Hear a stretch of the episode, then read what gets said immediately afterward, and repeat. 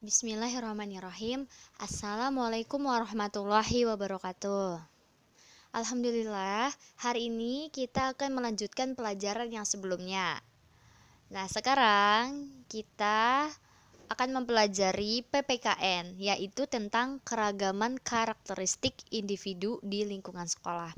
Mungkin teman-teman di sini sudah pada dengar ya karena di tema 7, tema yang sebelum itu uh, kita sama-sama sudah mempelajari apa itu keragaman, perbedaan, dan lain-lain. Tapi di tema 8 ini memang dibahas lebih detail dan lebih luas. Nah, jadi semoga dengan ini teman-teman bisa mengingat kembali pelajaran yang sudah-sudah kita pelajarin. Nah, teman-teman tahu kan kalau e, setiap manusia, e, setiap individu pasti memiliki perbedaan yang eh, bermacam-macam. Nah, itu disebut keragaman. Kali ini kita akan membahas keragaman karakteristik. Nah, keragaman karakteristik di keragaman karakteristik di sekolah harus dihargai supaya tercipta kerukunan. Setiap pelajar, karena kita sebagai seorang pelajar ya, harus hidup rukun di tengah-tengah perbedaan. Perbedaan itu merupakan sarana untuk saling mengenal satu dengan yang lainnya. Misalnya, sekolah mengadakan kerja bakti. Otomatis para pelajar dari e, semua kelas ya ikut serta dalam kerja bakti itu. Nah, melalui kegiatan kerja bakti tersebut, e, mereka atau kita semua dapat saling mengenal dan memahami perbedaan-perbedaan yang ada. Lalu, apa aja sih manfaat keragaman karakteristik di sekolah? Apa aja? Nah, kalau belum tahu, ya udah yuk kita belajar bareng-bareng. Manfaatnya yang pertama, siswa diajarkan bersosialisasi. Yang artinya di sekolah kan pelajar itu bertemu dengan orang lain ya. Bertemu dengan guru eh, bertemu dengan staf sekolah bertemu dengan teman-teman yang lain bertemu dengan satpam atau ibu penjaga kantin gitu kan? Nah di lingkungan ini pelajar itu dituntut untuk bisa berbicara dan bekerja sama dengan teman-temannya. Jadi setiap pelajar memang memiliki sifat yang berbeda-beda sehingga dituntut untuk memahami setiap individu dengan adanya keberagaman tersebut, pelajar bisa belajar bersosialisasi dengan banyak orang, bisa berinteraksi dan bersosialisasi tentunya artinya kalau kita mau bersosialisasi kita juga harus uh, mempersiapkan diri untuk beradaptasi dengan lingkungan kita. Manfaat yang kedua, dapat mengetahui suku, budaya, dan agama lain. Nah, kalau di sekolah kan emang terdapat e, beragam suku gitu, budaya, bahasa, dan agama. Ya, betul. Nah, tapi kalau di karena kita sekolah di SD Islam Nur Sunnah maka otomatis semua siswa beragama Islam. Jadi tidak ada agama lain ya selain agama Islam. Tapi di sini Ustazah akan menjelaskan secara uh, secara umum aja ya. Karena kan kita hidup bertetangga juga ada tetangga kita yang bukan muslim juga atau ada nanti kita akan ada di suatu lingkungan yang di situ uh, berbeda-beda agama kayak gitu.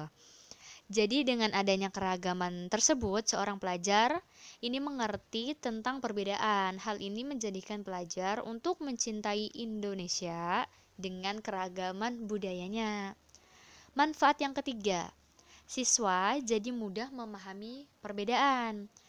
Indonesia ini kan adalah negara yang heterogen yang memiliki beragam perbedaan banyak banget suku, banyak budaya, banyak bahasa. Untuk itu, setiap pelajar ya memang harus belajar menghargai pendapat dan perbedaan. Oleh karena itu, sifat menghargai perbedaan harus ditanamkan sejak dini. Kayak gitu. Contohnya juga yang kalau misalnya kita di dalam kelas. kalau antara teman teman satu dengan teman yang lain kadang-kadang berbeda pendapat. Ada yang pendapatnya mau gini, ada yang pendapatnya mau begitu. Nah, kita itu juga tidak boleh menyalahkan pendapat teman kita sendiri karena dia juga punya hak untuk berpendapat, makanya kita menghargai pendapat dia. Seperti itu, teman-teman. Oke, kita lanjutkan lagi. Nah, ini halaman berikutnya adalah tentang keragaman kegemaran individu di se di sekolah. Keragaman kegemaran individu di sekolah. Nah, biasanya di sekolah itu kan banyak banget keragaman pekerjaan. Kayak misalnya ada guru, ada petugas perpustakaan, ada Pak Satpam, ada tukang kebun juga, ada ibu kantin gitu kan. Dan banyak lainnya. Nah, pekerjaan ini kalau emang jadi di suatu tempat itu banyak banget pekerjaan yang berbeda-beda. Nah, kegemaran siswa di suatu sekolah juga berbeda-beda. Ada siswa yang suka berolahraga, ada yang suka menggambar, ada yang suka baca komik, ada yang suka baca buku, ada yang suka suka apa ya? Suka apa lagi? Suka bermain ya, suka bawa-bawa mainan dan bermain di sekolah ada yang hobinya ya macam-macam kesukaannya ya jadi setiap siswa punya karakter yang berbeda-beda ada juga anak yang pemalu, pendiam, ada yang selalu riang gembira, ada yang berani, ada juga yang penakut gitu dan masih banyak lagi. Nah, makanya perbedaan individu di sekolah itu harus kita sikapi secara positif ya disikapi secara positif. Nah, contoh-contohnya apa aja sih? Nah, ini contoh sikap positif terhadap keragaman di sekolah. Contoh pertama, misalnya teman kita ini ada yang pendiam. Ya, pasti kalian pernah punya teman yang pendiam kan? cara mendekatinya tuh gimana? Cara mendekatinya yaitu dengan mengajaknya bermain bersama teman yang lain. Jadi diajakin, eh ayo main bareng gitu. Eh main yuk, aku punya permainan ini loh gitu. Eh kamu mau nggak ikutan main? Main misalnya main apa yang pernah kalian mainin di kelas? Ya seperti itu pokoknya main kejar-kejaran, main peran peranan atau gimana gitu. Nah contoh yang kedua sikap terhadap kita tuh harus punya sikap terhadap teman yang berbeda agama ya ini saja jelasin secara umum ya kalau kita menyikapi teman kita yang beda agama jadi kita harus menghargai dan menghormatinya misalnya dengan cara mempersilahkan beribadah sesuai dengan ajaran agamanya gitu. Kalau di uh, eh, SD Islam Nurul Sunnah kan semuanya Islam. Tapi kalau untuk sekolah yang sekolah negeri atau sekolah swasta atau sekolah umum yang campur dengan uh, apa orang yang beragama lain biasanya di sekolah itu menyediakan fasilitas untuk beribadah. Misalnya dia uh, ada ruangan khusus untuk orang-orang yang beragama Kristen atau Katolik ada orang-orang ada ruangan khusus untuk uh, siswa yang beragama Hindu atau Buddha gitu. Jadi ketika waktunya mereka beribadah, mereka dipersilahkan untuk beribadah kayak gitu. Kalau orang Islam kan tempat ibadahnya di masjid atau musola sekolah ya gitu. Untuk agama lain disediakan ruang khusus seperti itu. Contoh yang ketiga misalnya, sikap terhadap teman yang berasal dari daerah lain. Nah, ini nih, kita perlu menjalin pertemanan dan bermain dengan mereka. Memiliki teman dari daerah lain dapat memperkaya kita akan pengetahuan tentang daerah tersebut ini juga Ustazah senang sih kalau punya teman yang beda daerah sama Ustazah karena biasanya Ustazah itu suka tanya-tanya misalnya eh makanan khas khas daerah kamu apa kayak gitu oh, makanan khas daerah aku mah kue Bandung gitu. Atau atau pancong atau uh, somai apa batagor kayak gitu. Nah kalau misalnya daerah kamu apa? Kalau daerah saya itu empe-empe misalnya gitu. Atau daerah saya itu olos ya kayak gitu. Nanya-nanya makanan atau nanya tempat wisata misalnya di daerah kamu tuh ada wisata apa aja yang bagus-bagus. Nah itu kan bisa saling bertukar informasi dengan teman. Gitu ya. Nah contohnya juga. Jadi kan kita juga apa ya karakter beragam kan. Nah keragaman ini beraneka ragam ini juga bisa dilihat dari fisik sifat dan hobi dari masing-masing individu ya. Misalnya fisik ya dari mulai dari fisik ada yang orangnya tinggi ada yang orangnya sedang gitu.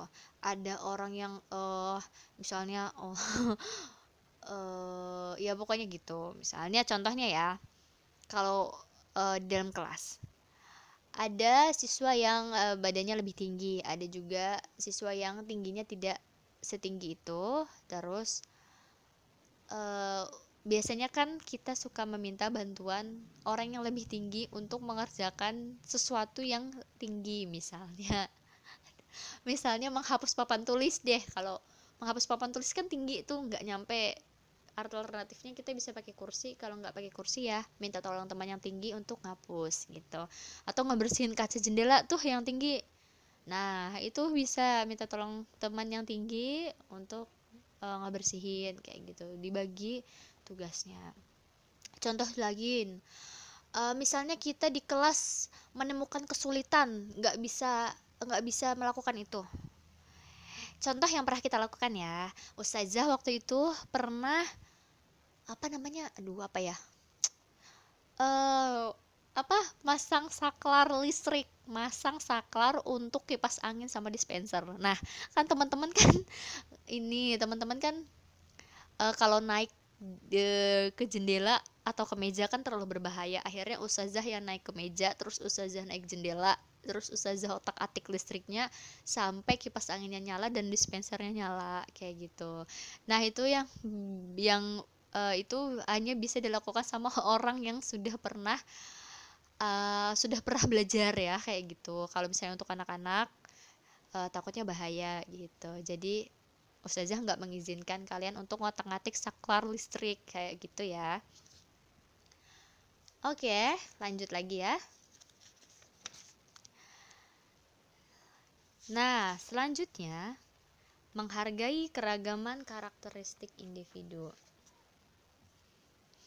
Sebelumnya kan kita udah pernah tuh belajar toleransi. Uh, masih ada yang masih inget nggak toleransi itu apa?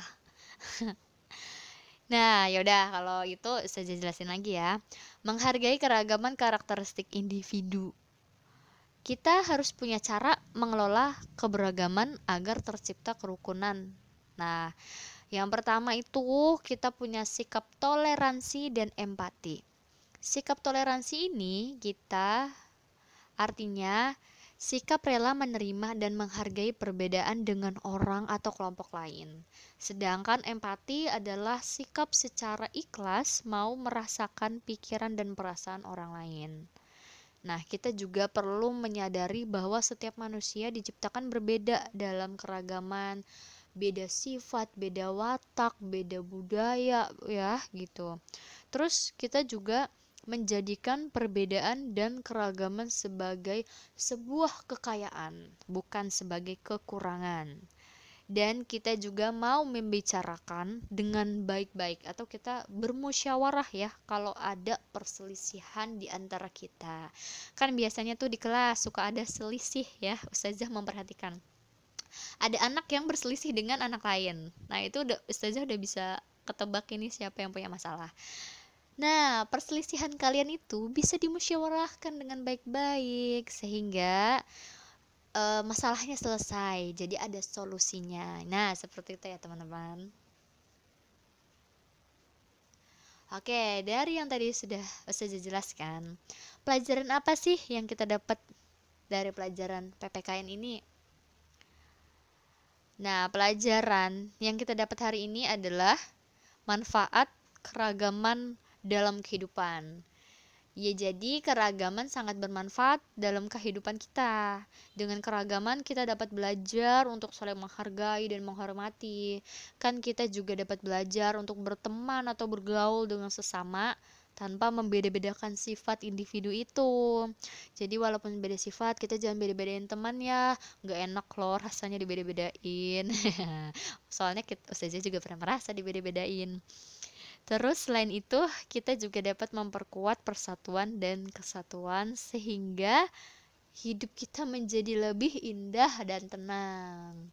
Nah, kesimpulannya seperti itu dan manfaat yang kita dapatkan dari pelajaran PPKN hari ini ya itu tadi yang Mas saja kasih tahu. Nah, pelajaran PPKN cukup sekian sampai di sini dulu. Terima kasih teman-teman sudah mendengarkan podcastnya Ustazah.